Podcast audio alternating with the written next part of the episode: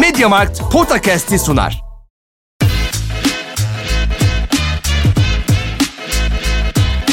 Potakast. Kaan Kural ve Orkun Çolakoğlu'yla NBA gündemine haftalık bir bakış.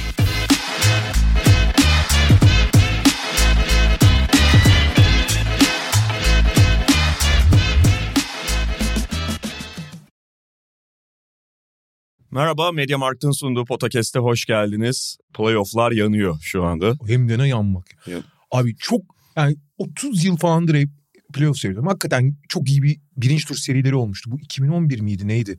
Hani 9 farklı maç uzatmaya gitmişti falan. Hı hı. Böyle acayip seriler olmuştu. Ben ama bu kadar belki biraz herhalde lokomotif takım olmaması. Daha doğrusu lokomotif olarak gördüğümüz takımların pek lokomotiflikle alakasının olmamasıyla alak Evet. belki bağlantılıdır. Şimdi bazen sürprizler hoş olmaz tamam mı? Yani işte alt sıradan gelen ya da görece daha az güçlü takımlar güçleri yendiği zaman bu her zaman ilgi çeker. Hı hı. Ama bu çoğu zaman alt taraftakilerin hani derli toplu oynaması hemen üst taraftakinin çok kötü oynamasıyla alakalıdır. Burada abi hani o kadar tahmin edilemez şeyler ki. Evet daha iyi gördüğümüz pek çok takım Milwaukee, Boston belli açılardan, Phoenix o açılardan. Mesela konuşacağız zaten. Tökezlerken diğer taraftan hakikaten çok ekstra performans. Çok farklı basketbollar. Mesela arka arkaya New York Cleveland maçı ve Sacramento Golden State maçı seyrediyorsun. Ulan bunlar aynı seri mi? Aynı basket, aynı spor mu yapıyorlar diyorsun. Abi kalite açısından demeyeceğim ama e, seyirci, faktörü. seyir- ve seyirci tatmini açısından yani keyif açısından, eğlence açısından inanılmaz bir playoff oluyor. Evet ki yani biz bu işte perşembe öğlen saatlerinde bu kaydı yaparken gecede tabii dört tane maç vardı NBA'de. Hangi birine yetişeceğimizi şaşırdık. Şimdi konuşacağız serileri ve maçları tabii ki. Başlarken bir hatırlatmamız var.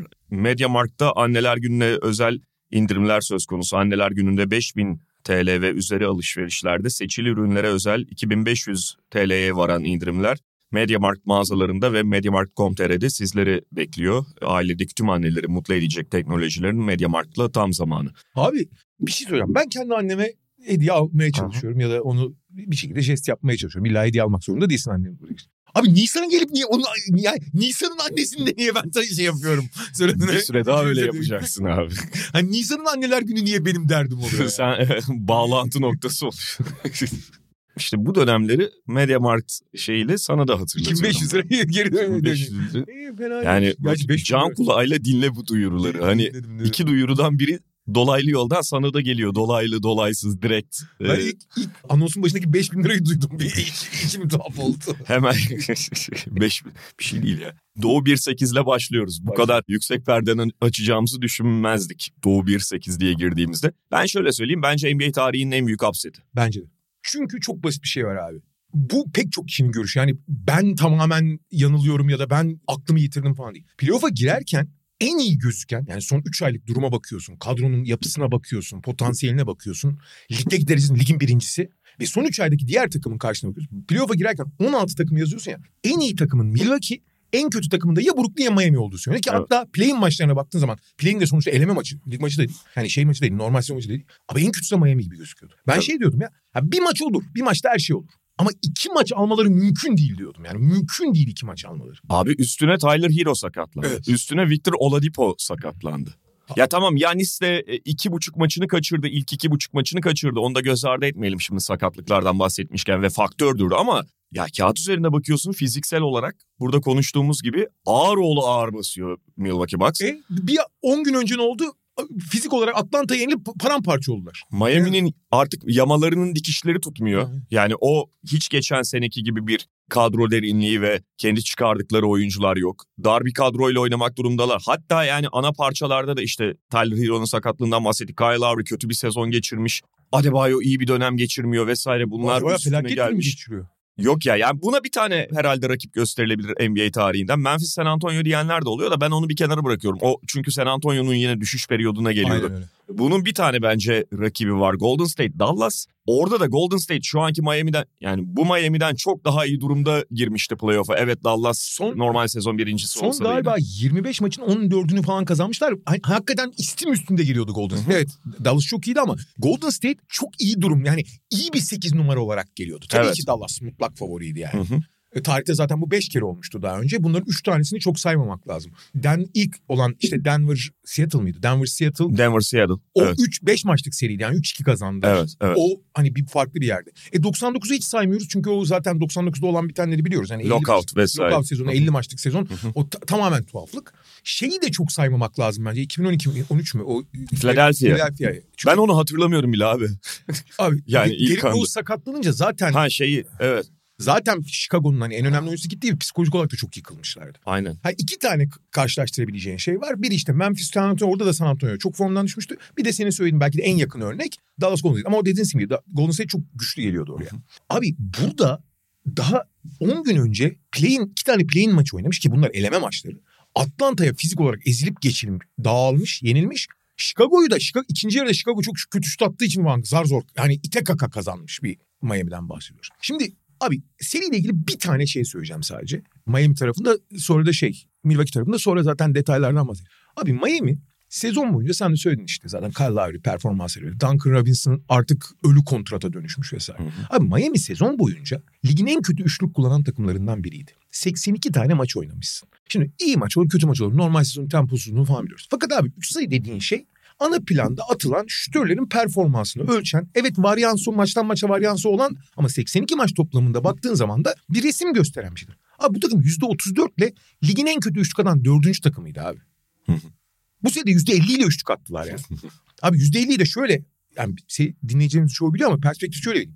%40 olabilecek en yüksek maksimum. Yani takım halinde %40 işte iki sene öncesi Clippers %42 geçip tarihte ilk kez %40 geçen takım halinde geçen takım olmuş. Normal sezon. Normal. Ve 40 ile 50 arasındaki fark ya birinci ile 30. arasında 10 puan zaten fark oluyor. Yani bu, bu, bu saçmalık bir yüzde yani. Akılam. Ha burada tabii ki Milwaukee'nin drop yani gömülerek oynamasını biraz üçlükçüleri riske etmesinin ki geçtiğimiz yıllar ona daha az olsa da riske etmesinin payı var var. Ama abi mesela koca sezonda 65 maç mı ne oynadı Jim Butler? 36 üçlük atan Jim Butler bu seride 16 tane mi 15 tane ne üçlük attı zaten. Ama bak şimdi Jim Butler'dan beklersin bunu. Evet. Jim Butler'ın playofflarda delirdiğini ki hani bazı oyuncular vardı. Hani baskı altında performansı çok düşen oyuncu çok gördük. Öylesi çoktur. Bazı oyuncular ama baskı altında zor ortamda daha büyük bir ivmeyle odaklanmayla performanslarını korurlar diyelim. Yani mesela Kobe Bryant da bunların en önemli ya da Michael Jordan. Jim Butler abi çok istisnai bir adam. Adam gerçekten Büyütüyor.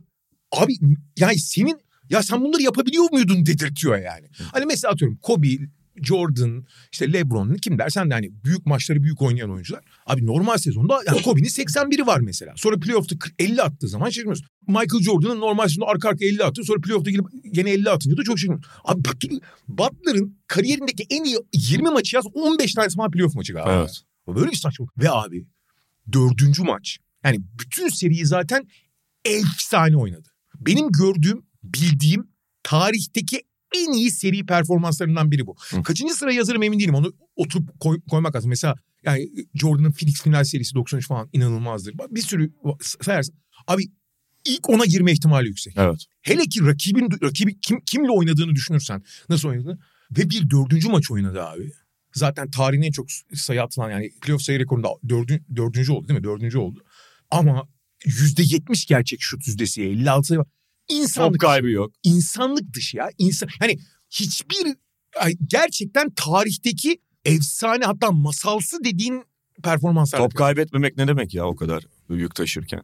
Ya bak ya bir de hücum şeylerinden bahsediyoruz sürekli. Savunmadaki yüküne falan gelmiyoruz. Saklanmıyorsun hiç Ve- orada. Jimmy Butt belki de Tyler Hero'nun olmaması bazı şeyleri daha basitleştirmiş ya da kolaylaştırmış olabilir ama hücumda hiç kimse yani iki üreticisi var zaten birini kaybediyorsun. Ben böyle hani çok iyi durumda. Fakat her şeyi Butler etrafından dönüp onu da bu şutlarla besleyebildiğin zaman bir temel formülün oluyor kazanabilmek için. Ama bu yetmez abi yani bu hani bu masal bak destansı falan da ya gerçekten hayal yani gerçeklikten uzaklaşmış bir performans. Jimmy Butler performansına başka faktörler de eklemen lazım ki bunlardan birisi. Şütörlerin performansı, Mesela Miami'nin yaptığı şeylerden biri rakip topu kaybına zorlamak. O kadar çok top kaybına da zorlamadılar ama reboundlarda yenilmediler en azından diyebilirsin. Caleb Martin'in iki tane iyi maçı var. Duncan Robinson hayata döndü. Bunların hepsi birer faktör. Ama bunların hepsini üst üste koysam bile tarihinin gördüğü en büyük performanslar üzerine koysam bile bu olmamalıydı aslında. Yani böyle 4-1 olmamalıydı yani. Fakat orada da Milwaukee devreye girdi. Ya orada da Milwaukee işte bak Duncan Robinson dolaptan çıktı diyoruz. Caleb Martin'in bu performansı kötü bir sezon geçiren Kyle Lowry'nin yine Kyle Lowry bildiğimiz yani eski Kyle Lowry gibi gözüktüğü maçlar var. İlk maçı Tyler Hero ki kazanılmasına en önemli faktörlerden biri iyi oynadı. Arada bir Struz falan devre. Ya bunların hepsinde şimdi bu sadece Milwaukee ile alakalı bir durum değil tabii ki. Miami'nin hakkını vererek başladık ama ya abi ben ki bunu daha önce benzerlerini Milwaukee için konuşmuşuzdur yine. Bu kadar adapte olmadan geçirilen bir seriyi görmedim ya.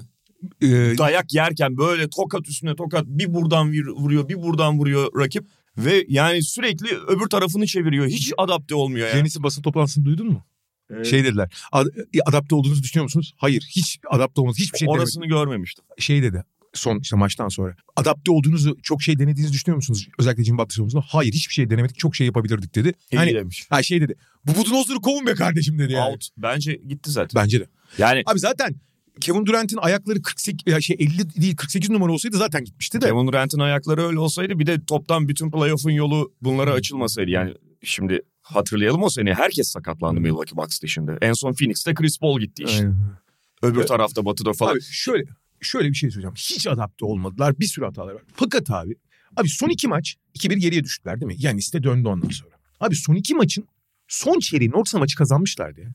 Hani net bir şekilde kazanmışlar. Birinde 12 birinde 15 sayı öndeler. E bu sabah da kazandı abi. İşte tamam onu diyorum. Bu sefer Ha son iki maç pardon. Son iki. Aa, ben bir önceki. kaza abi oradan sonra olanlar bu takımın nasıl bir bu tabii ki adaptasyonla yani teknik ekibin takıma verdiği özgüvenle karşılık paylaşmıyor. Burada bence Yanis'in kabahati de çok büyük. Yani liderin etrafın liderin kendi paranoyaları ben, biz hep şey diyorduk işte 2021'de çok ciddi bir zihinsel eşiği açtı Yanis. E, çünkü daha önceki sene iki kere daha lig birincisi olup elendikleri zaman Yanis'in nasıl eli ayağına dolandığını şu temelli bir oyuncu olmadığı için hani maç sonlarında topu emanet etmenin daha zor olduğu bir oyuncu olduğu için bunun zorlukları kendi kendine büyük problemler yarattığını ama 2021'de bunları aşmış gibi gözüküyor. Ki geçen seneki playoff'ta muhteşem oynadı yani. Elendiler belki ama yani kan getirdi burnundan yani şeyin Boston'ın olağanüstü oynadı. Fakat abi bu maçı da çok iyi oynadı. Son maç için örnek söylüyorum. Ki sakatlığının etkisi de belki de yüzde yüz değil. Abi 30 sayı atmıştı 3, 4. çeyreğin ortasına kadar ve takım 15 sayı öndeydi. Abi pardon üç, ilk 3 çeyrekte 28 atmıştı. Abi son çeyrek ve uzatmada Yanis'in ne yaptığını biliyor musun? 12'de 3 Hı hı. isabet 9'da 3 serbest atış 3 top kaybı abi. Bir tanesi de biliyorsun ma- maçın sonundaki hava atışında hakemlerin rezil saçma sapan bir kararı var. Challenge Panikten dışarı şey Panikten dışarı atıyor da zor kurtardı. O da Evet. top kayboluyordu. Tabii canım. Abi ben bu kadar şimdi maç sonlarında dağılan, eli ayağına dolanan çok takım olabilir. Çok oyuncu da olabilir ki bunları gördük. Bunları ama tecrübe kazandıkça bunların azalması gerekir. Fakat abi dağılmak bir şeydir. Paralize olmak başka bir şey. Ben her şeyi anlarım tamam mı? Yani kötü şut atarsın, elinden topu düşürürsün. Neler neler gördük hayatımızda. Şunu göreceğime ihtimal vermezdim abi. Maçın sonu, maç berabere. Jimmy Butler, pardon iki sayı önde özür dilerim Milwaukee. İşte klasik o itiraz oldu. Hakemin saçma sapan kararı challenge'da geri çevrildi. Hava atışı oldu. Ondan sonra to- top geri geldi. Jimmy Butler'a pot altı. 2.1 saniye Jimmy Butler pot alttaki organizasyon yaptılar. Basketi attı. Maç berabere geldi. Abi orada dünya üzerinde Türkiye 2. liginden Belçika ligine, Çin liginden NBA'ye, G lige nereye gidersen git. Öyle bir durumda oyuncular refleks olarak mola işareti yaparlar. Mola derler. Mola alacaksın ki kalan sürede topu rakip sahaya taşıyıp son topu kullanacaksın. Grayson Allen'la da kullanmayacağız. o, o uzatmanın sonu. O uzatmanın Ha, sonu. şey ben normal sezonun Ha, sonundan, doğru, doğru, sürenin pardon, sonundan bahsediyorum. doğru. Abi mola almadılar ya. Yani öyle bir paralize olma durumu ki bu. Aha. En Doğru. refleksif, en temel yani düşünmeden otomatik olan şeyi yapamadılar. Babacım ya basketbol lan bu. Basketi yiyorsun, saat duruyor. Hala belli bir süre var. Mola alıp topu rakip sahaya taşıyıp şut kullanacaksın. Bu bu bu bu, bu öğretilecek ya da bu ay yani Budenholzer'ın veya başka birinin kabahati değil. Bu tamamen paralize olmak abi. Aklında bütün motor fonksiyonlarının durması bu artık.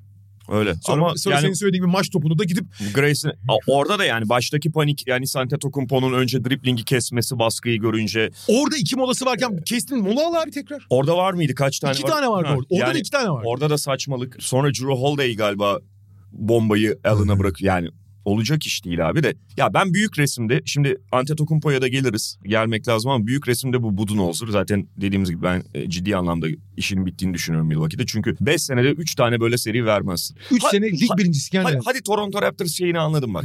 Toronto Raptors'ı 3-0 öndeydin neredeyse. Yani Doğru. Üçüncü maçı uzatmada kaybettiler. Ondan sonra oradan dört maçı üst üste vermiş olabilir ama kazanabilirdin de. İlk 2019 playofflarını bir kenara bırakıyorum. Ama yani bubble bu. Bunlar skandal boyutunda. Skandal ötesi. Ve yani takımın oyunu falan da gelişmiyor. Yarı, Ve- yarı sahada hala Ve abi Evet. çok basit bir şey var. Babacığım Jimmy Butler efsane bir seri oynuyor. Yanis de söyledi. Yanis'i başına vermedi ya. Hı hı. Abi dene ya. Yanis ver. Jurul da öldü öldü. Yanis de aynısını söyledi bu arada. Jurul de onu da yapacak bunu da yapacak. Çok yoruldu dedi. başka da savunmacıları yok bu arada. Evet doğru. Yani e, Chris Middleton eski gücünde değil tabii. değil. Yani diğer herkes şey oluyor. Jay Crowder zaten belli ki çöp çıktı. Bitti. Fakat ya Yanis konusunda da şunu söyleyeceğim abi. Yanis Anthony Davis gibi. Yani bunlar çok etkili oyuncular. Çok büyük güç olabiliyorlar. Belli eşleşmelerde ve onları üst üste yakaladıklarında belli playofflarda NBA'in en büyük gücü gibi de gözükebiliyorlar. Fakat abi bunlar düşünülen ya da kendi düşündükleri kadar yetenekli oyuncular değil. Ve buna adapte ol. Anthony Davis biraz daha direkt pivot gibi oynadığı için buna daha adapte bir şey. Yanis hala guardlık yapmaya çalışıyor. Yapmaması lazım. Ki bu Ya sene- açık sahada top getirmek başka bir şey abi. Yarı sahada sen topu yere vuracağım. O millete omuz omuz ata ata gideceğim. Orta mesafe atacağım. Üçlük atacağım. Bunları bırakması gerekiyor artık. Bir de bu sene geçen sene gene bir tık şutu iyiydi. Bu sene kötü de şut attı zaten. Yok yani Bu arada 23'te 10 mu? 23'te 10 attı. Ve Yanis'in şey hiç gelişmiyor bir kere. Tamamen o yani mental olarak bir maçın ağırlığında kötü atmaya başlarsa dağılıyor. İyi atarsa da 2021 finalleri gibi oluyor. 17'de 17 başlamış değil mi? Evet. Yani kafa berrakken de moralliyken de tık tık tık tık atıyor. Yani dediğim 23'te 10 foul attı bu arada. Hani bi- bi- bilmeyenlere söyleyelim. 23'te 10 şut da olsa ki o kadar kötü değil. 23'te 10 foul attı. Anlamsız yine 6 tane falan üçlük kaçırdı galiba. 7 top kaybı var zaten. Yani çok masada bırakıyor yani Antetokounmpo. Ve son çeyrekle uzatmadı. Korkunçtu abi ya. Evet. Yani e, başta söylediğimiz gibi ikimiz de aynı fikirdeyiz. NBA tarihinin en büyük upset'i bu. Bence de. İlk tur, ikinci Net. tur kar- e, karışık Net, yani net. e, karma en büyük playoff upset'i. Ben kimsenin de hani genelde şey oluyor ya utandırdı Miami işte sizi falan filan. Yani en fanatik Miami'li bile çıkıp bunu söyleyebileceğini düşünmüyorum. Abi hani gene söyleyebilirdin abi o play-in maçlarını gördükten sonra ya son bir ayki Miami'nin aynısı o play-in maçlarını gördükten sonra da o konuda mesela şey Bill Simmons onlara çok acayip korkuyordu işte zombi o bile vazgeçmişti yani hani ya bu Miami'den cacık olmaz diye yani. Yani bir de korkuyordu falan evet. Bilmiyorum Milwaukee özelinde mi korkuyordu ama o da. Yok o Celtics için her şey korkuyor. Tabii. Ha, neyse genel itibariyle abi gerçekten yani bu kadar acayip bir sürpriz olan yani aklım almıyor öyle söyleyeyim. Öyle. Peki 2-7'ye geçelim. Geçelim. Boston Atlanta. Abi bu seride çok ilginç bir şey var. Bu seride iki takımın da yani daha doğrusu maç gibi maçlarda aslında 2-1 Atlanta önde. Çünkü ilk iki maçı hatırlayacaksın. Atlanta hiç gelmedi o maçlara. Yani maç gibi olmadılar.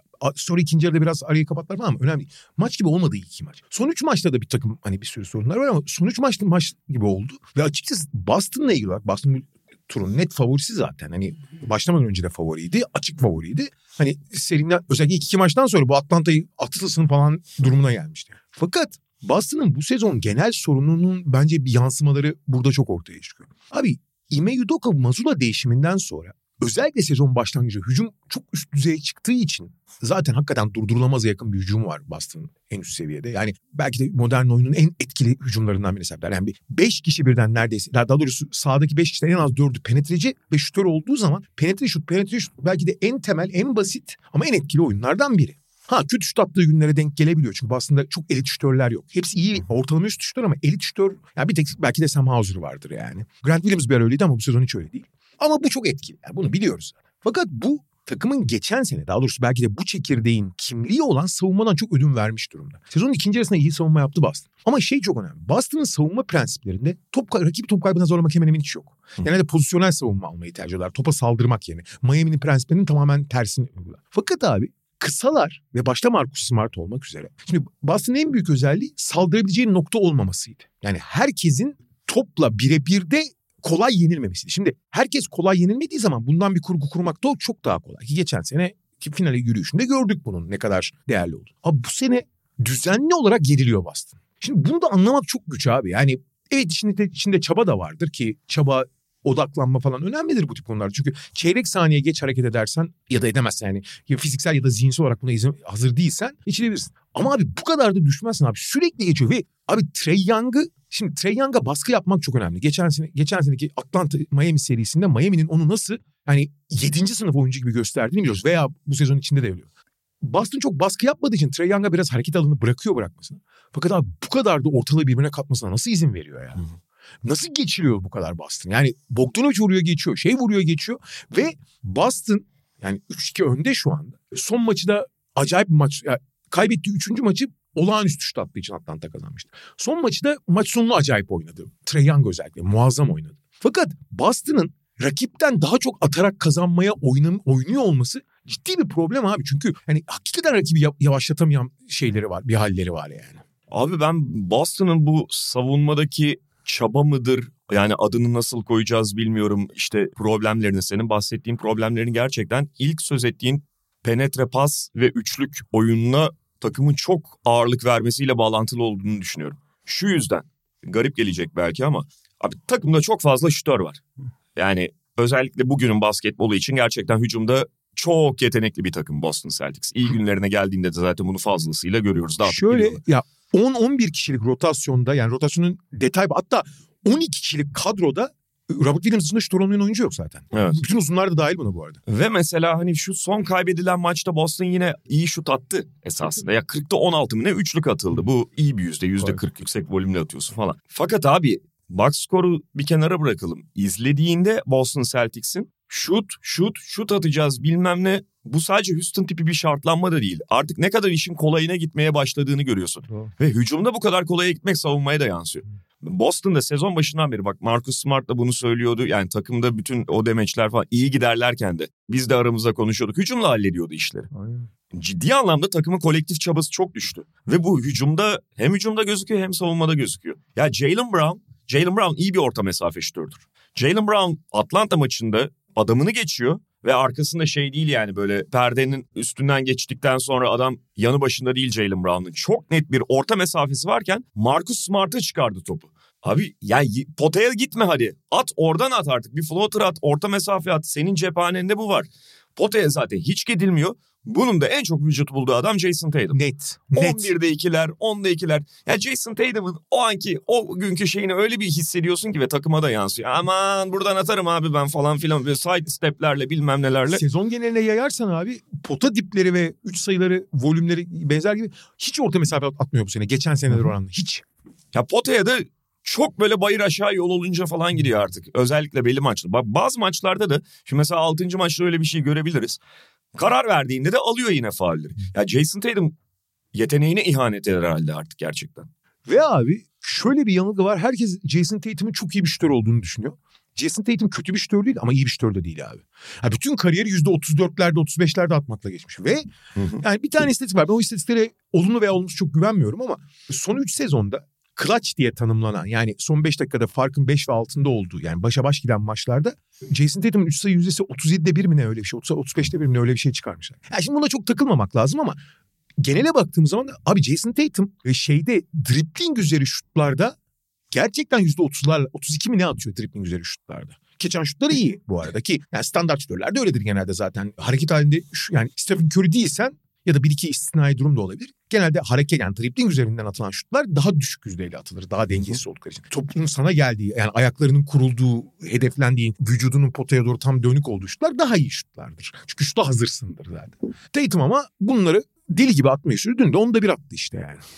Ya şöyle bir şey. Ve abi pardon son olarak da şeyi Evet. söyleyeyim. Yani çok da uzatmaya gerek yok da. Abi bazı oyuncular var. Kötü günündeyken hiç çekilmiyorlar abi. Yani her oyuncunun kötü günü olur bu arada. Ama kötü günündeyken çekilmemek başka bir şey. Yani kötü günündeyken bazı oyuncular hatta yırtmak için takıma zarar da veriyor. Tatum öyle değil pek. Yani hani takıma çok aşırı zarar vermiyor.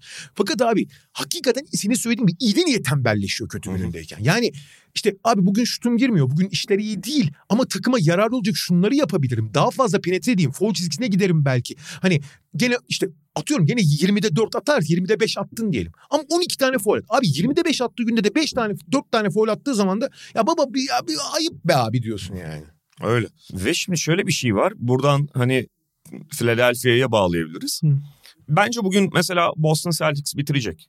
Bence Bu de, gece. bence de. Ama Embiid'in dizi sıkıntılı durumdayken bir sonraki seride Philadelphia'yı daha baştan baskılama ve zor bir duruma sokma fırsatını belki kaçırıyor Boston Ve- Celtics. Kendi serisini erken bitirmeyerek. Hafif bir sakatlığı olan ve yaklaşık bir hafta 10 gün denen Embiid'in sakatlığı cumartesi tam 10. gün oluyordu. Evet. Yani cumartesi başlayacaktı eğer seri bitmiş olsaydı. Aynen. Şimdi pazartesi iki gün daha çünkü sonuçta dizde hafif burkulma ve ödem vardı. Ödem inmiş idman da yapmış bu arada. Ama hala yüzde yüz değildir. Abi yüzde yüzken zaten iyi bir ilk tur geçirmemiş. İlk turda çok canını sıkmışlar. Embiid de biliyorsun öyle şeylerle psikolojik olarak çok baş edemiyor. Bütün seri Hı hı. ikili sıkıştırma gelmiş.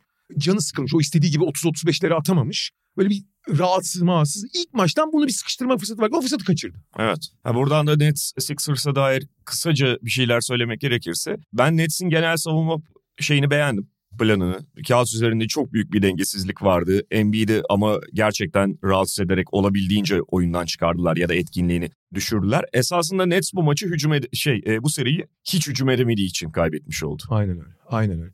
Ve e, şeyi de söylemek lazım. Yani NBA'de bu kadar kaynak ayırdığın zaman özellikle Tobias Harris ve başta Tyrese Maxey bunu bu, bu fırsatı çok iyi değerlendirip çok ağır ceza kestiler. Yani bu kadar ağır ceza keseceklerini beklemiyordu demeyelim ama inşallah yani ümit ediyordu o kadar ağır ceza kesilmeyeceğini.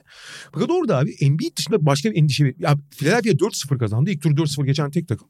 Ama ben hiç etkileyici görmedim. Yani Maxi ve Tobias Harris tarafı tamam. Melton da bu arada iyi bir seri geçirdi. İyi gözüktüler falan. Ama Embiid haricinde veya sakatlar abi James Harden da mesela çok iyi üçlük atmasına rağmen seride 34'te 7 ikilik attı. Evet. Onun hala bence sakatlığı yüzde yüz değil ki zaten kendisi söylüyor. Abi artık penetre edip ne penetre edebiliyor ne de zaten bir yerden sonra net sonra iyi- iyiden iyiye gel abi gel üçlük atma içeri gir dedi. Dümdüz turnikeyi bitiremez hale gelmiş Harden. Bunun sakatlığı ne kadar etkilidir yaşı ya da şu anki hali. Ha iyi üçlük atıyor ve hala Tabii mesela Harden kariyeri boyunca çok büyük skorer olduğu için unutulur ama Harden olağanüstü bir oyun kurucu abi. Yani ligin en iyi en iyi top yönlendiren 2-3 oyuncusundan biri. İkili oyunda bence en iyi oyuncusu zaten. Hı hı. Pick and roll'da. Hani Chris Paul ile kıyaslarım ikili oyun oyunu. Ama Embiid Harden ikili oyunu belki de NBA'nin en iyi ikili oyunu ve E, NBA'nin en yıkıcı ikili oyunu. Ama hani bunlarda hala Harden çok etkili. Harden iyi bir sezon geçti yanlış anlaşılmasın. Ama zaten o aşil sakatlığından dolayı yani gerginlikten dolayı artık hiç penetre edemiyor, hiç ikilik atamıyor. Ve üst düzey bir maçta bu tip şeyler, handikaplar çok daha büyük, çok daha kötü yazar yani. Direkt şeye geçelim mi?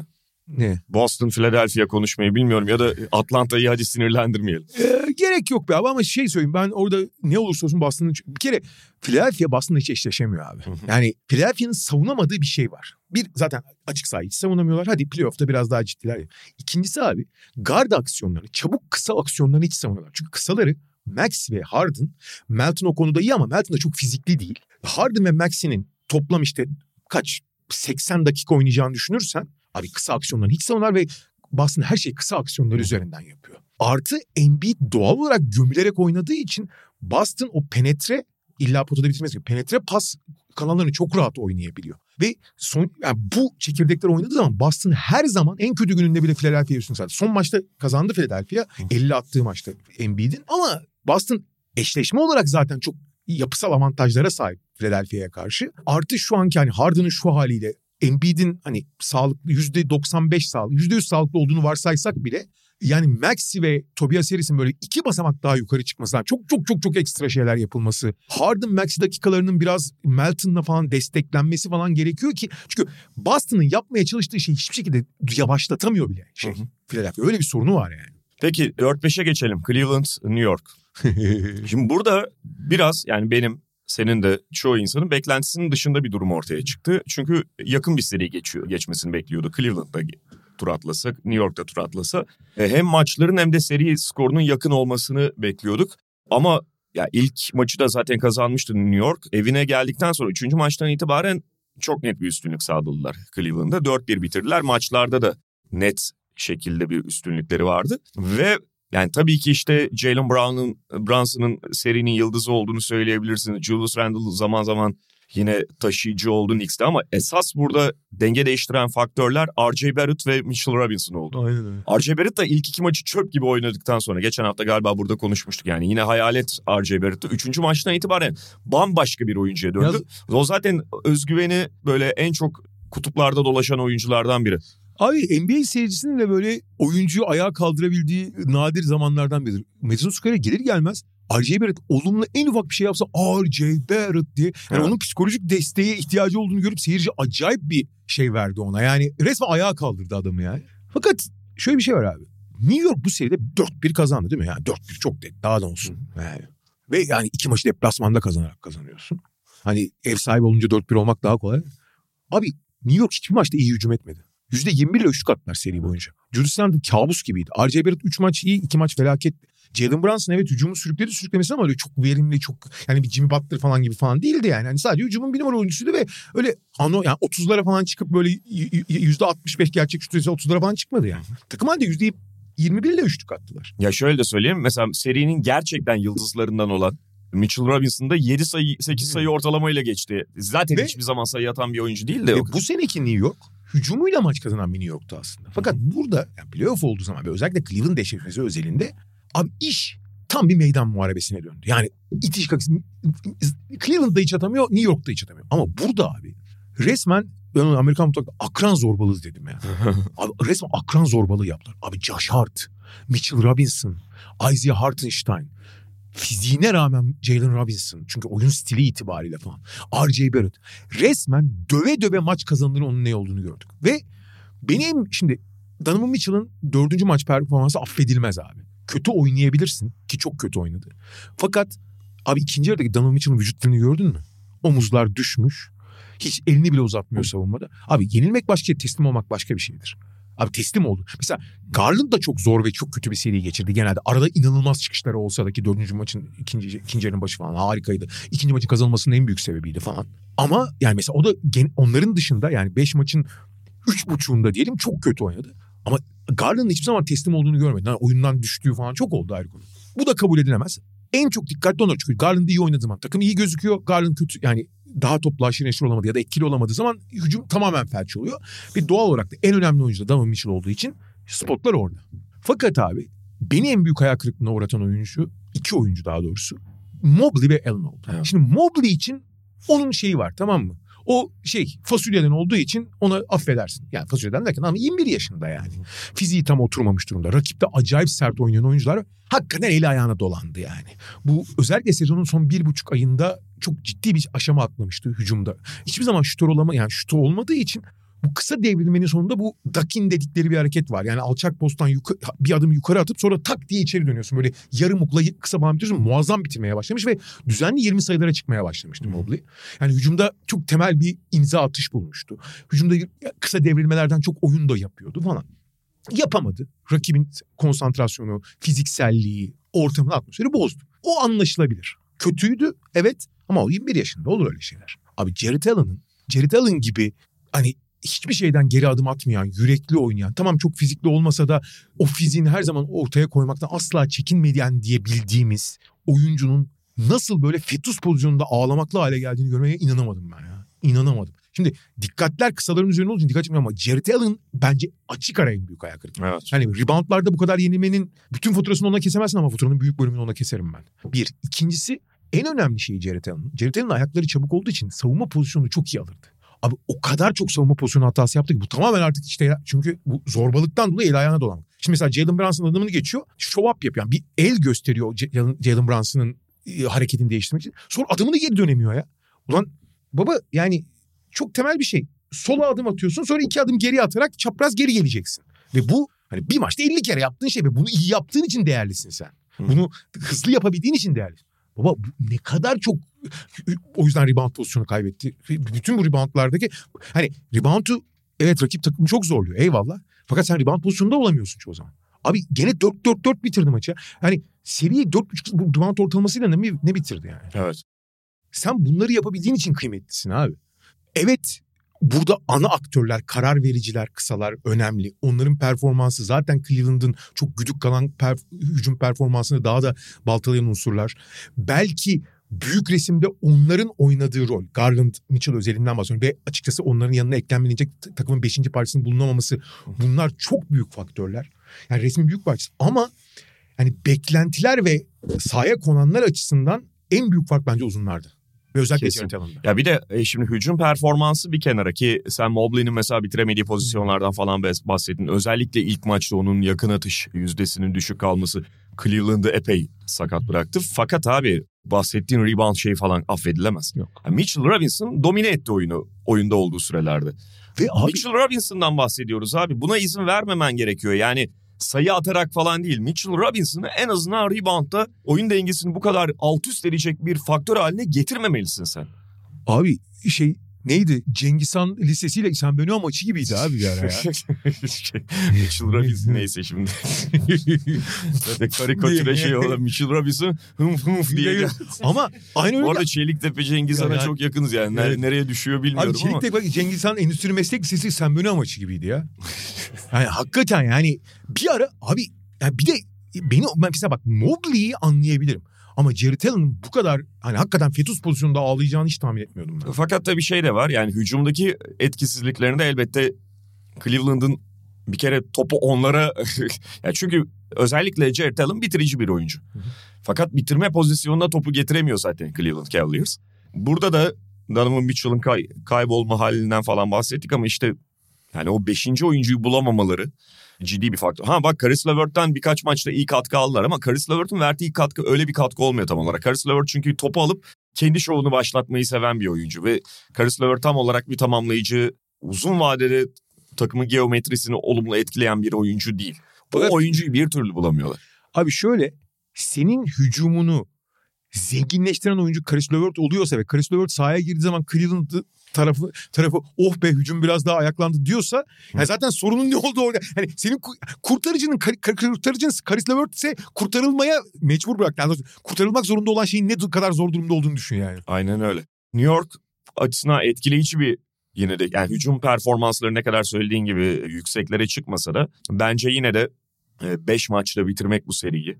Avantajıyla başlamadıkları bir seriyi 5 maçta paketlemek, 2 maçı deplasmanda alarak falan ve özellikle 3. maçtan itibaren yani dediğimiz gibi net bir üstünlük ortaya koymak bunlar etkileyiciydi. Tabii Randall'ın durumu ne olacak bu ciddi bir soru ee, Evet. Knicks açısından. Dördüncü maçta son çeyrekte kenara oturttu ki öyle şeyleri çok iyi karşılamaz Randall genelde. Gerçi o maçta çok olumlu, gö- olumlu gözüktü. Kenardan destek falan verdi. Biraz ayak bence o ayak bileğinden sakatlığı da yüzde yüz İşte iyileşmedi muhtemelen. yani e, Peki abi şey şimdi sonuçta abi bir tahmin ya da bir analiz yapmak ya da bir fikir belirtmekten hiçbir zaman hani çekinmedik de. Abi bu New York Miami maçı serisi ne olacak? Ha, ne olacak yani? 78-75 Hayır şimdi mesela New York Miami fiziksellikle baş edemiyor diyorsun. Yattan da e abi Milwaukee ile baş ettin Yanis'le. Şimdi New York bu kadar fiziksel oynayacak. Bam Adebayo şey durabilecek mi Mr. Robinson karşısında? Yani nasıl olacak? Yani Cleveland'ı bu kadar ezen New York potu altı Miami'yi ne kadar ezecek? Şimdi bütün sezon şut atamayan ama Milwaukee karşısında deli gibi şut atan Miami mi mi göreceğiz? Yoksa bütün sezon Hı hı. çok kötü atmayan e, ama Cleveland karşısında hiç şut sokamayan ki ya buna savunmanın da tabii etkisi var. Oyun akışının da etkisi var ama New York'u mu göreceğiz? Hakikaten okumak çok kolay. Yalnız şu var. New York eğer bu seride Cleveland'a karşı olduğu gibi ya Brunson'a verelim o da birebir oynasın. Çünkü şimdi bazı oyuncular vardı top elindeyken yaratır ama kendine yaratır. Brunson kendine yaratan bir oyuncu. Takım arkadaşlarına o kadar asist rakamları 7-8 asistleri çıkıyor olması takım arkadaşına yarattığı anlamına gelmiyor. O yardımdan geldiği zaman birine pas veriyor. Yani oyunu oyunu çalıştırıp bir şey üretmiyor.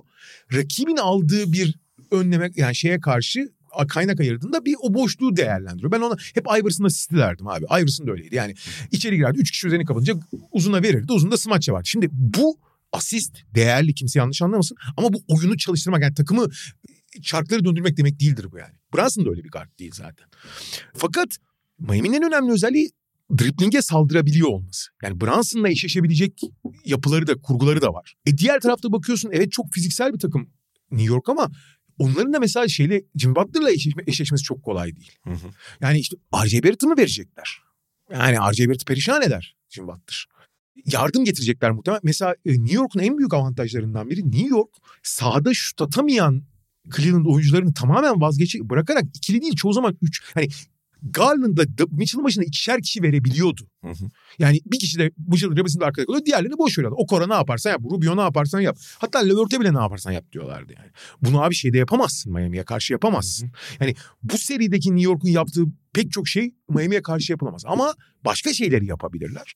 Öngörmenin çok çok zor oldu. Yani sahaya çıkmadan hakikaten nasıl olacağını öngörmek çok zor. Çünkü zaten bu Miami'yi anlamak da imkansız. E New York diyorsun abi. Ulan bütün sezon iyi hücum etmiş ve savunması biraz daha geride kalmış New York'un. Bu seride hani şey gibi 90'lar New York gibi maç kazandığını gördük. Ve yani New York'ta kazanırsa bence Miami'de kazanırsa yine formül orada olacak. Yani Miami'nin kesinlikle Milwaukee'deki gibi hücum edebileceğini düşünmüyorum. Ben de. Yani biraz önce bahsettiğimiz Miami'yi seri boyunca seri ilerledikçe yukarılara çıkaran o Milwaukee'nin savunmasını Knicks tekrarlamayacak. Teorik olarak öyle oynuyorlar ama Tom Thibodeau onu öyle bırakmaz. Bırakmaz abi. Da başından itibaren Mitchell Robinson'ın çıktığını göreceğiz. Hartenstein'ın da zaten. Aynen öyle. Göreceksin yani baskılayacaklar. O dribbling üstü şutlar falan e, şey olmuyor. Ortadan kalkacak.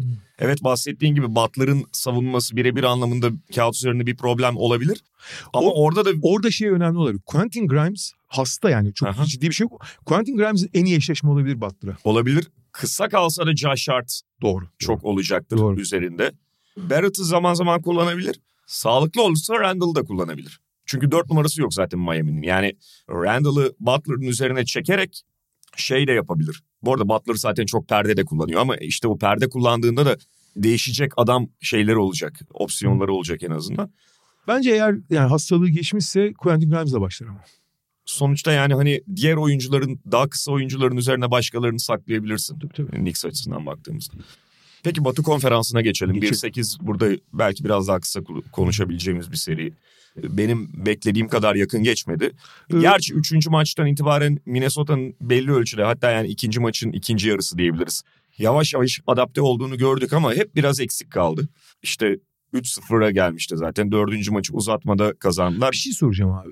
Eksik kaldı. Mesela hani çok çok önemli bir oyuncu değil belki ama Nazrid'in sakatlığı olmasa çok daha ilginç olmaz mıydı bu seri? Kesin. Bir ekstra skorere çok ihtiyaçları vardı ya. Skora yani özellikle skora. Ya ben oyun anlamında dedim ama zaten şey sayısal Tabii. anlamda da eksiklerdi ve seride de eksildiler. Hı. Kyle Anderson'ın en son sakatlığı oldu. E, McDaniels zaten oynayamadı. Naz Reid gibi o da şeye girmişti. Şimdi bunlar bunlar az buz eksikler değil.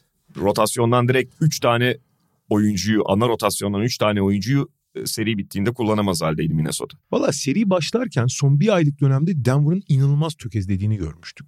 Bence o yani Denver orijinal fabrika ayarlarına döndü diyebiliriz. Yani hücumun yani ligin en iyi hücumu biziz mesajını verdiler. Ve özellikle Jamal Murray ve Michael Porter Jr.'ın yani iki ana bitiricinin istim üstünde gözükmesi. Michael Porter Jr. çünkü 5 maçın 4'ünü müthiş oynadı. Bir maçı çok kötü oynadı. Klasik.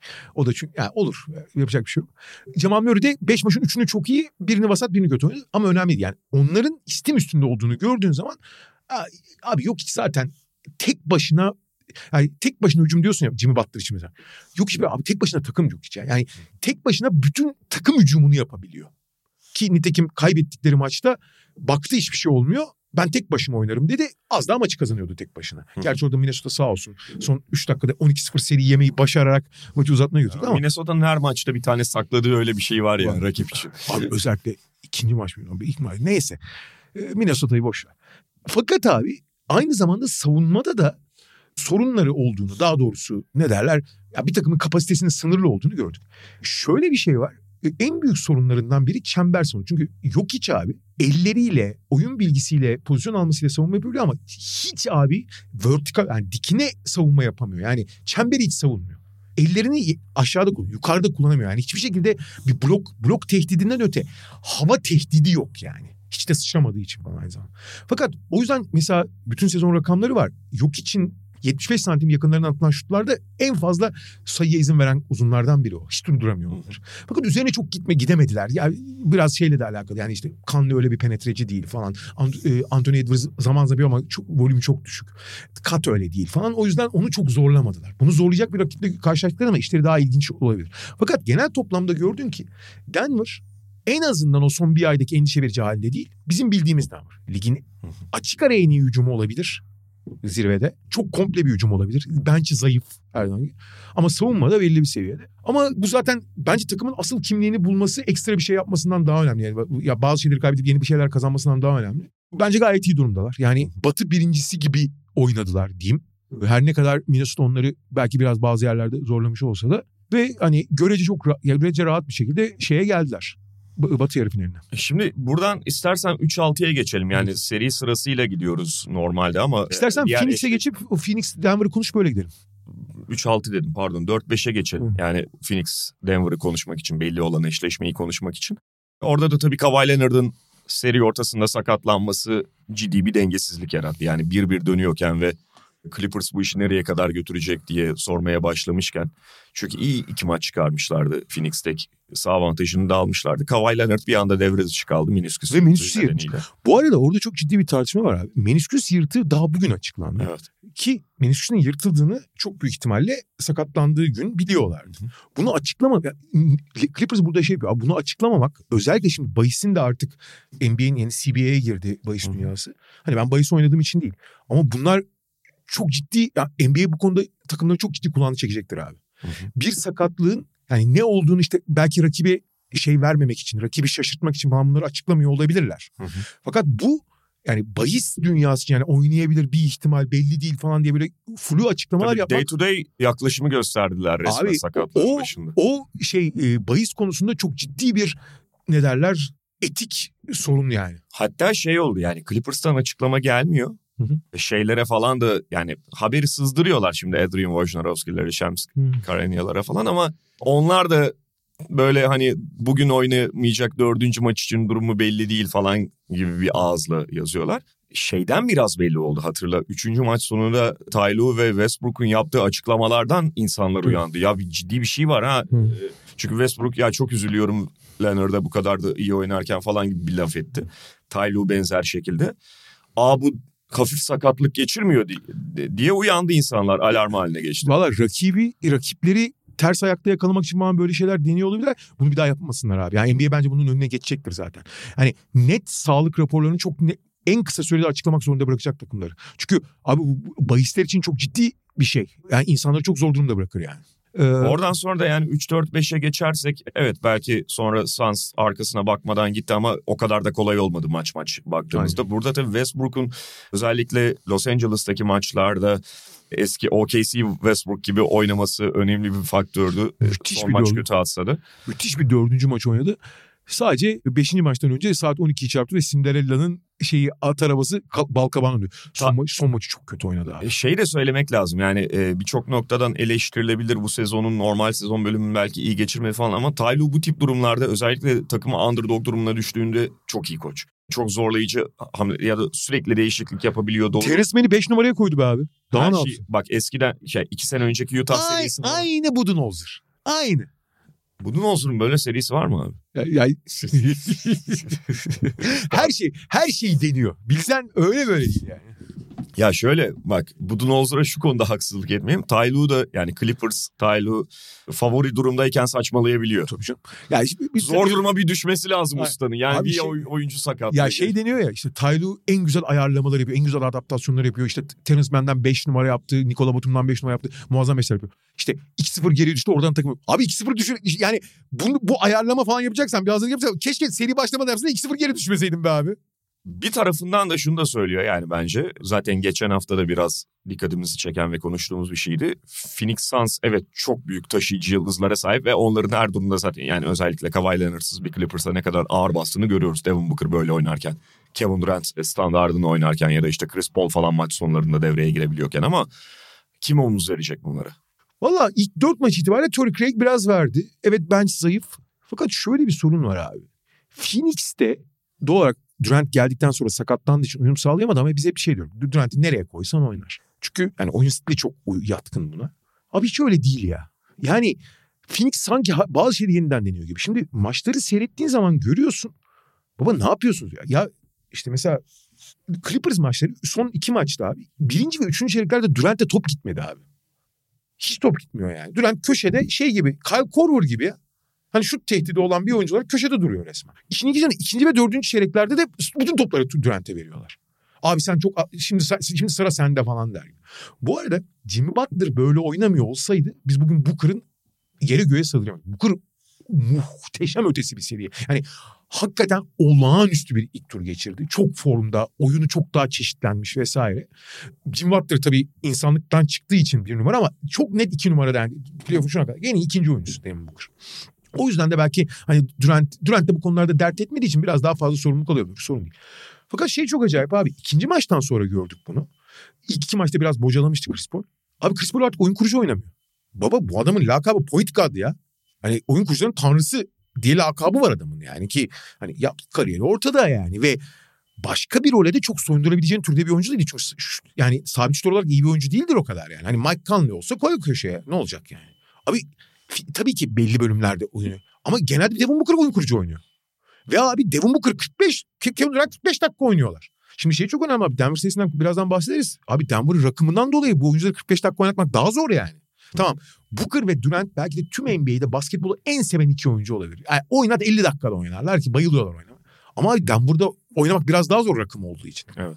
Ve şimdi gördük abi.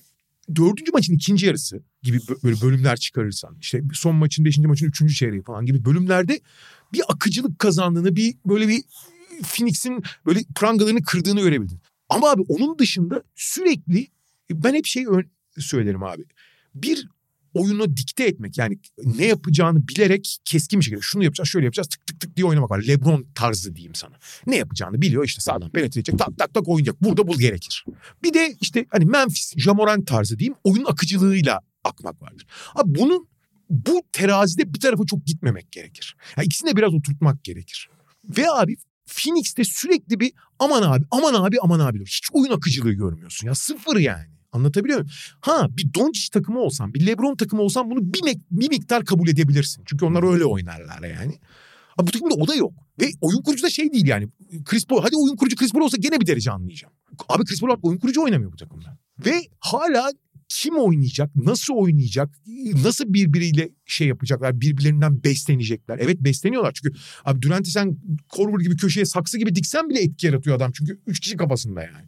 Ama abi son maçta gene işte maçı kazandı. 15 sayı getirdiler. Oradan arka arka 3 tane üçlük soktu. Evet. Batum maçı kaybediyorlar. Abi çok inanılmaz bir şey oldu. Ya ben Budun yani Milwaukee maçının sonunda yaşananlara çok benzer şey. Monty Williams da bu arada bu konuda çok kötü bence. Abi Okogi'yi oyuna aldı 5. oyuncu olarak. Abi üç hücum üstünde üst üste Okogi'den oynadılar. Abi Okogi savunma için sahada. Yani hücumu çok sınırlı bir oyuncu.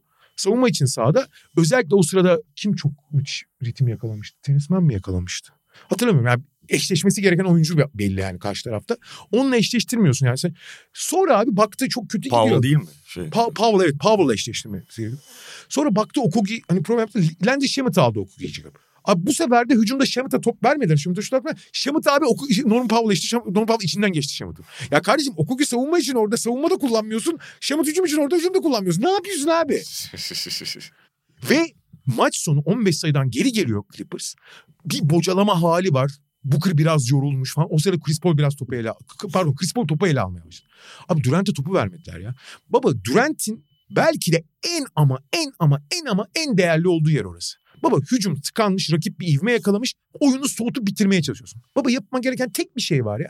Durant'e vereceksin ve atacak. Çünkü Durant'in en büyük özelliği Durant'e hiçbir şey hazırlamadan atabiliyor olması. Çok aşırı uzun olduğu için atıyor abi adam. Yüzdeli atar, kötü atar ama atıyor. Yani elbenişer bir şut buluyor sana yani. Ve Durant olduğu için de genelde bunlar de biraz daha değerli oluyor.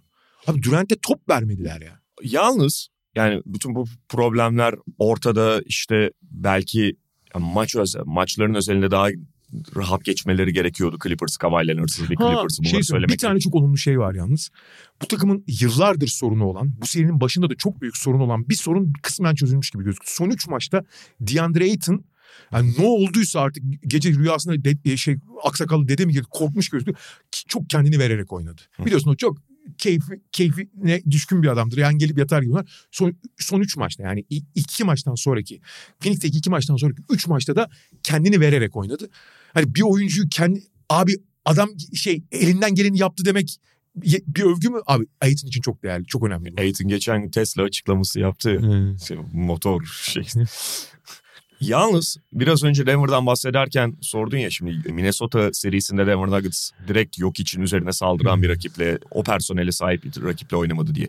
İşte Phoenix bunu çok daha kaşıyabilecek bir rakip. Onlar da çok potaya fazla gitmiyorlar. Yarı, yarı yolda duruyorlar genelde ya. Dursun.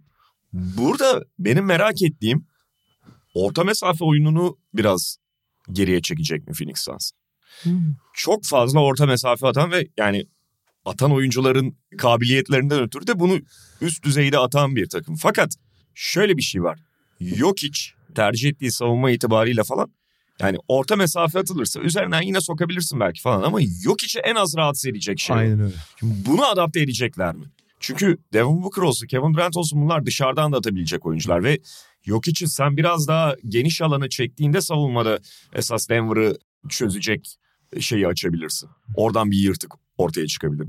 Bunu zorlayacaklar mı bunu merak ediyorum ya da hangi noktada yapmaya Valla başlayacaklar? ilk iki maçtan sonra tabii ki Phoenix'in şut yapısı gereği çünkü Chris Paul diyor çok üçlük kullanan bir, çok az üçlük kullanan bir oyuncu. Çok daha bilinçli olarak fazla üçlük kullanmaya çalıştığını Hı. görüyorsun.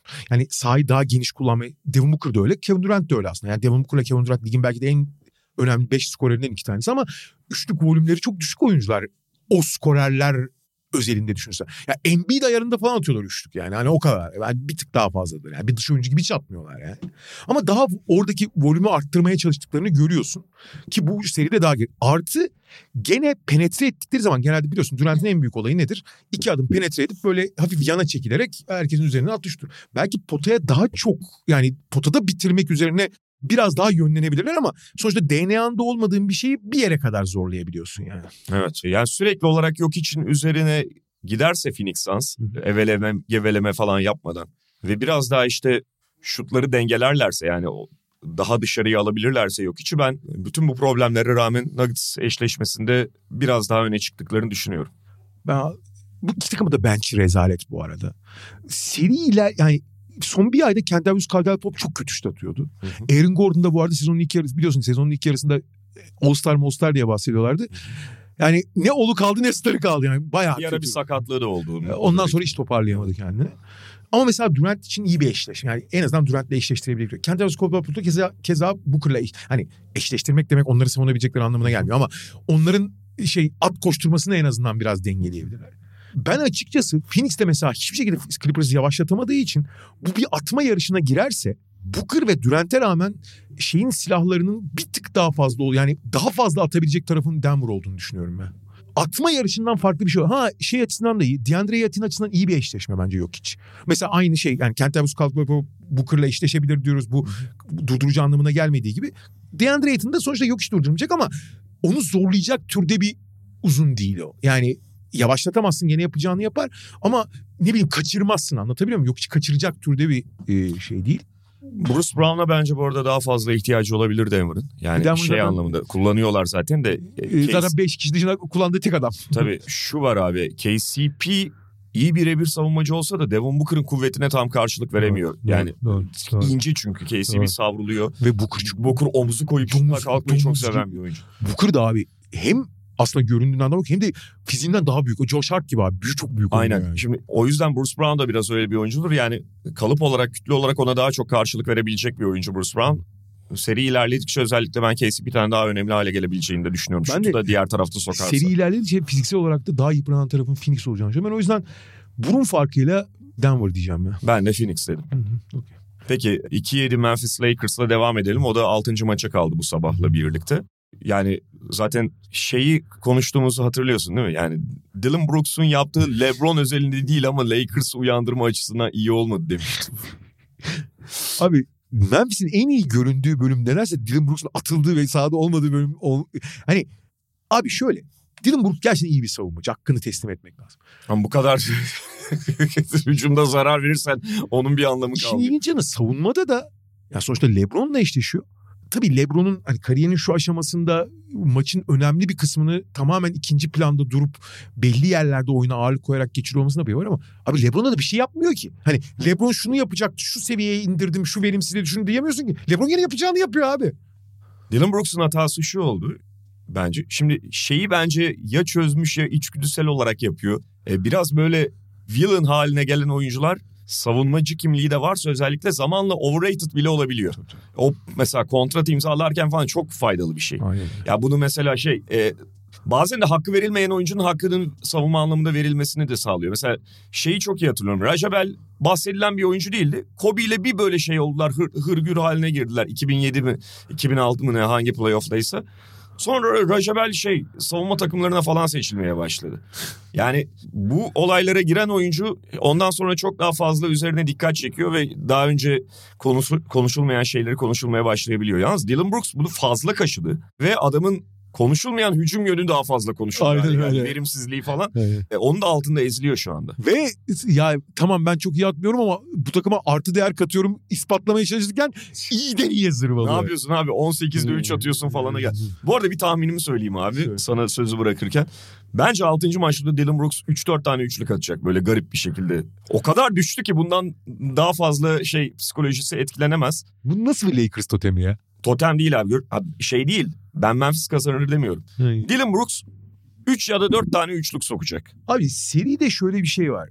Dördüncü maç bence çok krit, en kritik maçtı. Yani hani 2-2 ile 3-1 arasındaki farkı söylemeye gerek yok. Ve o maçı Lakers kazanamıyordu aslında. Yani tabii ki maçın sonunda Le- LeBron'un neler yapacağını göremezdik ama hani D'Angelo Russell girip 3 üçlük atıp maçı bir şekilde getir. Çünkü Desmond Bain hani Memphis'te hiç doğru düzgün hücum edemiyor ama Lakers'da hiç hücum edemiyor abi seride. Ve yani iki takım da biraz hani bir New York Cleveland ayarında değil belki ama iki takımın da hücumundaki prangalar çok fazla. Tabii ki Memphis'teki personel eksikliği, Jamorant'ın sakatlığı önemli. Desmond Bain de yani Jaren Jackson Jr. seriye çok iyi başlamıştı. O biraz düştü. Hani hücum, hücum anlamında konuşuyorum sadece. Yoksa savunma anlamında harika işler yapıyor.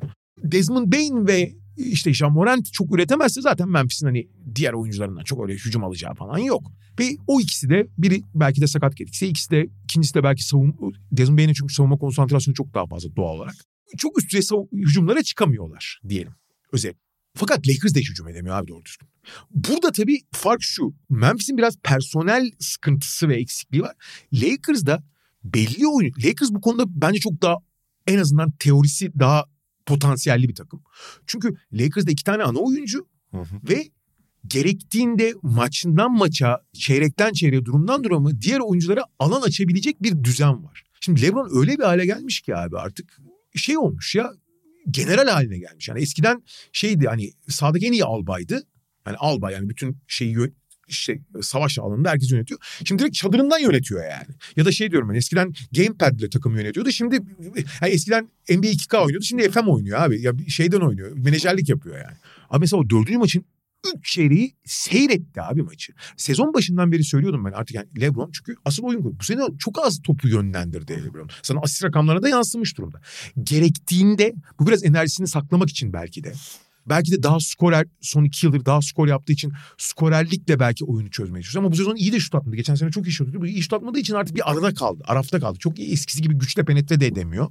Ama gene sayısını gene abi oyunu ama oyun bilgisi ve olgunluğu yani generalliği öyle bir seviyede ki nereden kendisine bir şey çıkaracağını avantaj devşireceğini biliyor. Abi bu özellikle dördüncü maçta bunun şahikasına çıktık. Abi üç çeyrek resmen hani işte biraz evvel Durant için demiştim ya köşede durdu abi. Durdu öyle. Hiç hareket etmedi yani. Topu da istemedi. Hiçbir şey. Austin çocuklar siz aranızda halledin falan dedi. Austin sen oyna. Ama şimdi Austin Reeves'e baskı geliyor. O da zaten biraz düştü oyundan. Abi hiçbir şey olmuyor maçta. İte kaka gidiyorlar. En son Desmond Bain biraz ritim buldu. Maçı ko- 10 sayıya getirdi koparıyor gidiyor. Abi orada D'Angelo Russell maçı getirdikten sonra LeBron abi bu maçı kazanabilecek noktadayız deyip sonra bir son 5 dakika ve bir uzatma oynadı. Abi çok büyük hayranlık duydum ya ben. Ha burada yeri gelmişken söyleyeyim. Anthony Davis de son maça kadar facia, şöyle facia demeyelim. Hücum tarafında hiç yoktu. Ha savunma tarafındaki sorumluluğu o kadar büyük ki. Çünkü Memphis Lig'in en çok penetre eden takımlarından biri olacak. Onların hepsini son noktada karşılaması lazım ve bunu ya mükemmel ya çok iyi yaptı. Kötü, o vasat hiç yapmadı yani. Fakat hücumda da hiçbir şey vermiyor abi. Nitekim dördüncü maçın sonunda iki tane hücum rebound alıp o da çok etkili oldu ama yani normalde sen Anthony Davis'ten bir 20 sayı civarı bekliyorsun hani ikili oynama. Ama hiçbir oynadı. LeBron ikili oyun oynamadığı için Anthony Davis de oynayamıyor doğal olarak. D'Angelo'sun maç başına bir tane iki tane yapıyor çünkü. Abi fakat maçın sonu ve uzatmada LeBron'un ve orada işte Anthony Davis de devreye girip hücum roundlarına girince maçı kırdılar zaten. Maçı kazanmayı öyle başardılar. Abi yaptığına hakikaten inanamadım ben ya gene. Yani LeBron'un en iyi hali falan olduğunu kimse iddia etmez. O maçı yani 20 rebound aldı şimdi. 20 sayı 20 rebound yaptı büyük LeBron falan. Abi maçın genelini seyrettin abi. LeBron öyle çok büyük bir maç oynamadı. Yani şey falan hatta ben ilk 20 reboundu gördüğümde ne 20 ya ne ara aldı 20'yi tepkisi vermiştim içimde. Ama mesela o diğer işlerden ödün verip doğru poz... Ya bu yanlış değil. Ama oraya kanalize çünkü, çünkü dediğim gibi kafada oyunu bitirdiği için nerede rebound alırım falan onları kovalıyor artık. Yani yararlı olmaya çalışıyor. Abi Tatum için diyorum ya kötü gününde çekilmiyor diye. Abi LeBron nerede ne kadar artı değer katabileceğini artık kafada çok çözmüş. Ha uygulamada bazen istediği gibi olmayabiliyor. Ama burada abi muhteşem uygulamanın en uç noktasını gördük. Abi maçı uzatmaya götüren turnikeyi gördün? Abi o turnike ya, ya bir, bir Kyrie atar onu. Çünkü topun nereden döndüğünü görüyorum. Ha, inanılır gibi değil ya.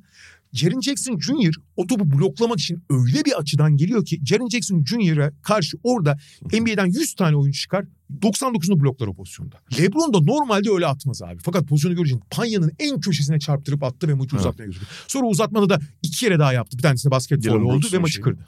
Maçı kırdı abi. Problem şu ki artık işte bunu çok kısıtlı sürelerde Aa. yapabiliyor. Yani örneğin bu sabah 5. maçta gördüğümüz gibi. Aynen. Gidemedi. Yani Gidemedi. gittiğinde bitiremedi. Aynen. O maçta dediğin gibi arka koltukta takılıyordu. Bak o yüzden geçen hafta ben şey dedim yani Dylan Brooks'un o tahriyi LeBron'a 40 attırmaz ama Lakers takım halinde uyandırırsa o işte problem diye. Nitekim şey oldu 35-9 oldu ilk çeyrek. Yani Lakers kudurmuş gibi çıktı maça ki her maç öyle o kadar keskin çıkmadıklarını biliyoruz ve maç oradan kazanıldı. Yani Tabii. ondan sonra Memphis geliyordu. Tabii. Şey Hatta geldi teorik olarak. Yetmedi. Hı hı. Çünkü 26 sayı geriye düşmüşlerdi. O kadar büyük bir çukurun için. Hatta 3. çeyreğin hemen başında 30'a çıktı fark. 35-8'den sonra 37-8 mi ne oldu neyse. Ve bak üçüncü maçta da yani direkt böyle hani şey anlatısıyla akıllarda kaldı. LeBron dersini ver falan. Üçüncü maçta da Lakers şey e, LeBron domine edemedi. Yok öyle? Belli bir bölüm maçın başında hayvan gibi oynadı. Ondan sonra şey artık o kadar yetmiyor. Doğru. Şimdi Anthony Davis de yani Anthony Davis çok etkili bir oyuncu. Anthony Davis ama yaratıcı değil hep konuştuğumuz gibi. Dolayısıyla burada şey çok kritik hale geliyor yani. D'Angelo Russell, Austin Reeves bilmem ne. Schroeder şu ana kadar kötü seri e, oynasa da. Bunların yaratıcılığı Lakers için çok kritik ama bir şey alamıyor onlardan da istikrar. Yani en iyisi o Austin Reeves en istikrarlı oynayan. En büyük şanssızlık da kısalar konusunda yani kendilerine alan açtıkları ve topu teslim ettikleri kısalar. D'Angelo Russell, Austin Reeves, Dennis Schroeder. Bu oyuncular Anthony Davis'i o kadar iyi kullanan oyuncular değildi. Bunların arasındaki en iyisi D'Angelo Russell, D'Angelo Russell'ı biliyorsun yani. Di- Anthony Davis'in etkili olması için LeBron'a ihtiyacı var işte. Ama LeBron da işte 35 dakika oynuyorsa ki 32-33'lerde oynaması var. Abi bunun 20 dakikasında belki oyunda ne derler LeBron gibi Hı hı. oynuyor. Aynen. Diğer 15 dakikayı da takıma belli artı değerler katıp ama LeBron gibi oynamayarak yapıyor. Şimdi bunları tartmak Darwin'em için de zor. Ama abi yapmak zorundasın. Darwin'en bence çok saçma bir şey yapıyor. Dün biraz vazgeçmişti. Bu seride Lakers'ın Anthony Davis kenardayken 5 kısa oynaması hiçbir şey getirmiyor. Doğru. Ya çünkü teoride bu ne getirir LeBron'u 5'e koyduğunda? LeBron bayır aşağı gidecek. E gidemiyor abi. O zaman niye yapıyorsun? Sürekli sen penetre yiyorsun. Ya saçmalık bu. Abi bu şey gerçi çok çok sağlıklı değil ama penetre hücum başına yapılan aksiyonları çıkarıyor NBA. Bazen çok Hı hı. geçer, çok doğru olmuyor çünkü yana doğru yapılan driplingleri penetre kabul ediyorlar. Yani boyalı alanın içinden geçen ama potaya doğru gitmeyen penetre kabul ediyorlar falan ama abi bu seride maç başına Austin Reeves LeBron'un iki kat fazla penetre yapıyor Evet. biliyor musun? Ama bu şey ulan LeBron abi sen yapsan sen genç adamsın sen sen genç varsın diyor yani. Biz mi koşacağız bundan sonra? bu, bu yaştan sonra beni mi koşturacaksın evladım? bu şafakla ben bir penetre edeyim.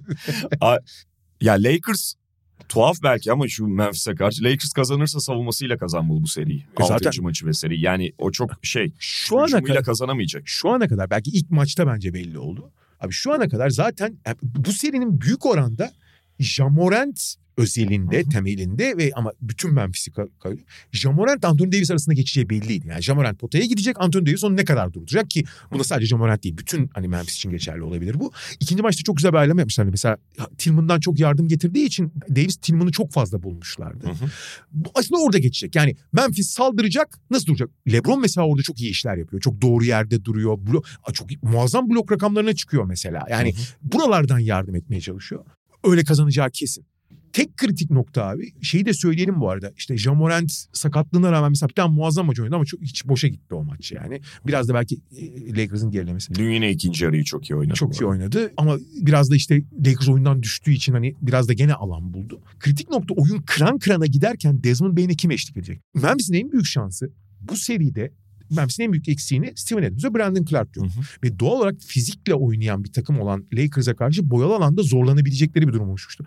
Abi Javier Tillman muazzam seri geçiriyor. Yani Evet. kendi standartlarının çok çok üzerinde seri geçiriyor. Ama Bu dün Emiko. e, mesela şey çember altında yine bitirememeye başladı Tillman. Yani onla, o- oradan bir şeyler almaları lazım. Çünkü bazen hani neredeyse onu risk ederek dışarıya baskı yapmaya, Morant'in alanını kapamaya falan çalışıyor Davis.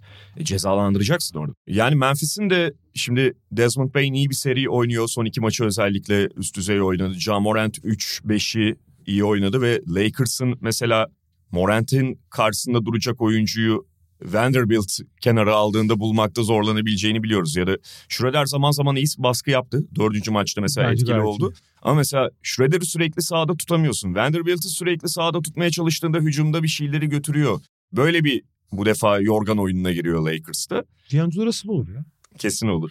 Fakat işte Memphis'te bunları yani Tillman'dan girdik dışarıdan falan da ne kadar destekleyecek. Yani Abi zaten hiçbir zaman... Brooks'a 4-3'lük yazdım. Ama Luke Kennard da sakatlandı. Evet. Şey gibi oluyor yani biraz Miami'nin düştüğü hal gibi. Ee, Sürekli birileri sakatlanıyor, birileri gidiyor. O anlamda nefesleri yetecek mi bakalım. Çünkü kadro bayağı daraldı. İşte ya iki taraf açısından da biraz savunmanın belirleyeceği bir artık seri olacak kalan maçlarda ya da kalan maçta her neyse. Çünkü hücumları ciddi anlamda problemli. Golden State Sacramento son serimiz. Golden State geriden gelip öne geçti. Yani zaten üçüncü maçta Draymond Green yoksa olmamasına rağmen acayip bir savunma yoğunluğuyla oynadılar. O maç savunmanın kazandırdığı bir maçtı. E, dördüncü maçta ondan sonra yine hücumlar yükselişteydi. Fakat Draymond Green etkisi bu defada. O işin ilginci oyuna ilk girdiğinde hücumda ondan sonra da şey oyunun son bölümünde de savunmada çok barizdi. Dün de 20 attı. 20 attı ve yeni müthiş savunma yaptı. Müthiş savunma yaptı. Yani oyun şeyde kafası oyunda olduğunda gerçekten zaten ne kadar bu takıma ne kattığını, neler getirdiğini ve beraberinde neleri çalıştırdığını görüyoruz. Dün en bariz örneklerinden biraz da ekstrem bir örneğini gördük belki. Bu sene mesela biraz göz ardı edilmişti ama son iki sezon bundan önceki iki sezonda yani geçen sene şampiyon olurken de öyle. Draymond Green hücumda iyiden iyi artık bir karikatüre dönüşmüştü. Yani, Evet. yani pas organizasyonu dışında hiçbir şey katılmıyor. Bu sene abi o onun takıma verdiği zararları gördüğün bitiricilik konusunda çok ciddi konsantre olmuş. Belki yazın çalışmış gibi gözüktü. Ha mesela bu o çok sevdiği e, arkadan dönen işte yani e, kendisinden başlayıp sonra diğer tarafa dönen oyunlarda o yarı handoff gibi oynadığı oyunda şey yapıyor artık. İyiden iyiye rakip savunmacı eğer o handoff'ta kendisini savunan oyuncu pozisyon alırsa direkt potaya gidip bitirmeye falan başlamıştı. Bu sezon gerçekten bitiricilik konusunda yani tabii ki skorer değil ama ora yani hücumun en zayıf halkası olmak daha doğrusu skorun en zayıf halkası olmaktan çoktan çıkmıştı yani. Bu seride daha da fazla görüyoruz onu. Çünkü Sacramento belli riskleri alıyor. Riskleri çok cezalandırdı yani. Bu maç biraz dediğim senin de söylediğin gibi ekstrem bir örneğiydi belki ama bu diğer bütün iyi yaptığı işlerin dışında yani aynı zamanda hücumda da belli bir sınırlı da olsa belli bir skor potansiyeli de veriyor. Ha, orası tamamen bir kara delik haline gelmiyor yani. Şöyle bir şey var. Herhalde Harrison Barnes'ın şutunda bu seri değişti ya. Yani Sacramento'nun bu seride Mike Brown'un işte Golden State'i tanıması. Zaten takım iyi bir savunma takımı değil ama savunmadaki belli kaynakları nereye yönlendireceğini, neleri bozmaya çalışabileceğini iyi çalışmış Sacramento. Evet iyi savunma falan yapmıyorlar. Zaten öyle bir personelleri de yok. Ama Golden State'in çok alıştığı bazı şeyleri ellerinden almayı başardılar. Bu şey işte bu DHO'dan iki tarafa açılan Golden State setine karşı hemen Curry'nin koşacağı yere oyuncuyu yolluyorlar falan. Neyse basit şeyler yapıyorlar. Ve asıl mesele de ligin en iyi hücumu konumundaydı Sacramento. Bunu sürdürebilecek mi? Yani atma yarışına Golden State'de girip savunmada işte biraz bir iki çomak sokup Golden State'in yaptığı savunmaya karşı daha yukarıda kalabilecek mi? Bu çok zor gözüküyordu. Çünkü özellikle takımın ana çekirdeğinin beraber oynama ve playoff tecrübesi çok düşük. İşin ilginç yanı abi bu serinin geneline baktığın zaman hücum anlamında konuşuyorum. Çünkü savunmada zaten hani standartı belli Sacramento'nun yapabilecekleri de belli. Bence iyi hiç fena bir iş çıkarmıyorlar o senaryoda stratejik olarak ama bir yere kadar hani istim üstünde bir Stephen Curry'nin yönettiği bir Golden State'e karşı da işin çok zor ki Stephen Curry harika durumda çok iyi oynuyor. Clay Thompson, Clay Thompson gibi oynuyor. Çok iyi çok kötü demeyeceğim. Clay Thompson gibi oynuyor ama. Yani geçen seneden daha iyi en azından. Jordan Poole felaket bir sezon geçirmesine rağmen bu serinin ikinci maçından itibaren iyi bir seri oynuyor. E, abi herkesin rolü bir Andrew Wiggins o kadar şeyden sonra iki buçuk aydan sonra döndü rolüne oturdu. İyi, çok iyi denmez ama rolüne oturdu. E, Kevin Looney muazzam oynuyor zaten. Ki zaten en büyük farklardan biri Kevin Looney'nin içerideki rebound gücü yaratıyor. Ama Sacramento ora, daha fazla atmayı başarabilecek? Abi Fox en azından Stephen Curry'i dengelemeyi başardı hücum anlamında ki bu başlı başına zaten olağanüstü bir şey. Abi Keegan, Keegan Murray 3 maç eli ayağına dolandıktan sonra olarak Açıldı. hakikaten normal oynamaya, ya oyunu oynamaya başladı. Devion Mitchell beklenmedik derecede iyi. Zaten savunmadaki en büyük rakibi bozan oyuncu ama hücumda da sıfır değil yani biraz Draymond Green'in olduğu gibi. Malik Monk da harika bir seri geçiriyordu bir tane çok kötü maç oynamasına rağmen. Fakat abi görece daha güvenebilecekleri eller Harrison Barnes, Kevin Huerter ve özellikle Kevin Huerter. Sabonis biraz fazla eleştiriliyor ama bence abartılı eleştirildiğini düşünüyorum. Yani işte Fox süper oynarken Sabonis'ten de yani iki takımın liderinden diğerinin de çok üst düzey oynaması bekleniyor. Evet biraz bocaladı ama onun Draymond Green'le eşleştiği bu eşleşmenin ona çok uymadığını falan da kabul etmek lazım. Abi güvendikleri dağlara biraz kar yağdı yani. Hurter ve Barnes'dan daha fazlasını Evet. bekliyorlar. Kez. Sabonis'in de de şöyle bir şey var. Yani Hurter ve Barnes kadar büyük resimde etkilemiyordur ama en azından o orta mesafeyi biraz daha atabilse Sabonis Doğru. hücumu biraz nefeslendirir. Çünkü, Çünkü- tamamen gerisini iki adım gerisinden savunuyor ve kurguluyor şey Golden State. Ve O- hiç şey yapmıyor. e, Hiç bakmıyor bile. Artı abi yer de değiştirmiyor işin yanı. Yani serbest atış çizgisi etrafında topu veriyorlar. Oradan handoff oyun. En iyi oyunları onların handoff. NBA'nin en çok handoff oynayan takımı. Abi o handoff'u V açısıyla savundukları zaman abi iki adım sola at ya. Hı hı. En azından savunmanın açısını değiştirmek zorunda bırak. Yok abi öyle bekliyor. Şey gibi bekleme odası gibi. O da biraz işte playoff tecrübesi. Aynen yani bir, bir de Sabonis'in o şutu var. Var var. Güçlüğü yoktur ama orta mesafesi vardır. Fakat artık tamamen şey odaklanmasıyla oynuyor. Yani garanti şuta gidelim ben atmayayım riske ediyorlar. Şutu olduğu gibi abi öyle yani çok mesafe verdikleri zaman da iki adım atıp böyle yani böyle çok zarif de olmasa da fizikle falan bitirmeyi de bilir o potaya Evet. doğru. Onları da yapmıyor. Sadece duruyor abi. Bir de tabii yani De'Aaron Fox'un sakatlığı şimdi sakatlanması 5. maçta kesin iyi atardı falan diyemeyiz. Ama o çizgi sonrasında sakatlık ve 5. maçtaki şut performansı gelince de ah be diyorsun Sacramento açısından. Ama genel toplama baktığın zaman abi Sacramento hakikaten seriyi kazanacak noktaya geldi. Zaten dördüncü maçı aslında büyük oranda Golden State domine etti ama bir yerde maç bir tane çalacak maç lazımdı Hı hı. Golden şeye Sacramento'ya. Ve tam o çalacakları fırsat geldi. Çünkü abi 5 maç oynandı şu ana kadar.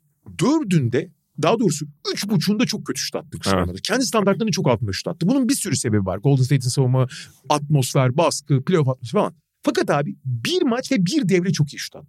İyi şut attığı maç abi. Dördüncü maç ve o maç ellerine geldi. Stephen Curry de belki de tarihin en büyük saçmalıklarından birini yapıp molası yokken mola alıp altın tepside sundu maçı. Sonra onun dönüşünde gene başka bir hata yaptı Golden State. Ve maç kazandıracak top ellerine geldi. Bomboş şutu buldular. Belki de çok şey yani vazgeçilen adam. Bu hanedanın vazgeçilen parçası Harrison Barnes. Çok iyi hikaye olacak. Çok iyi hikaye olacaktı. Bomboş şutu buldu atamadı abi. Ben de en son şunu söyleyeyim. Yani evet o şutla hani o şutu soksalar kazanacaklardı. Sokamadı kaybettiler ama esasında o maçı bence dördüncü periyotta çok enteresan abi. Sadece dördüncü periyotta dört tane falan transition harcadı Sacramento. Ve Ve- bence orada kaybettiler. Bu arada transition konusunda Sacramento bir kendi beceriksizliği ya da paniği diyelim. iki Draymond Green yüzünden çok transition Evet, yaptı. Çok ama- transition yaptı. Ama yani top kayıpları bilmem ne bir de öyle bir harcıyorlar ki dönüşü geliyor. Aynen öyle. Golden State oradan ivme yakalıyor falan. O bence onların hani belki de serinin ellerinden gittiği nokta oldu. Ve Hurter'da abi yani iyi bir sezon geçirmiş olabilir ama yani çok büyük ayak kırıklığı bu seride. Çok büyük ayak kırıklığı yani.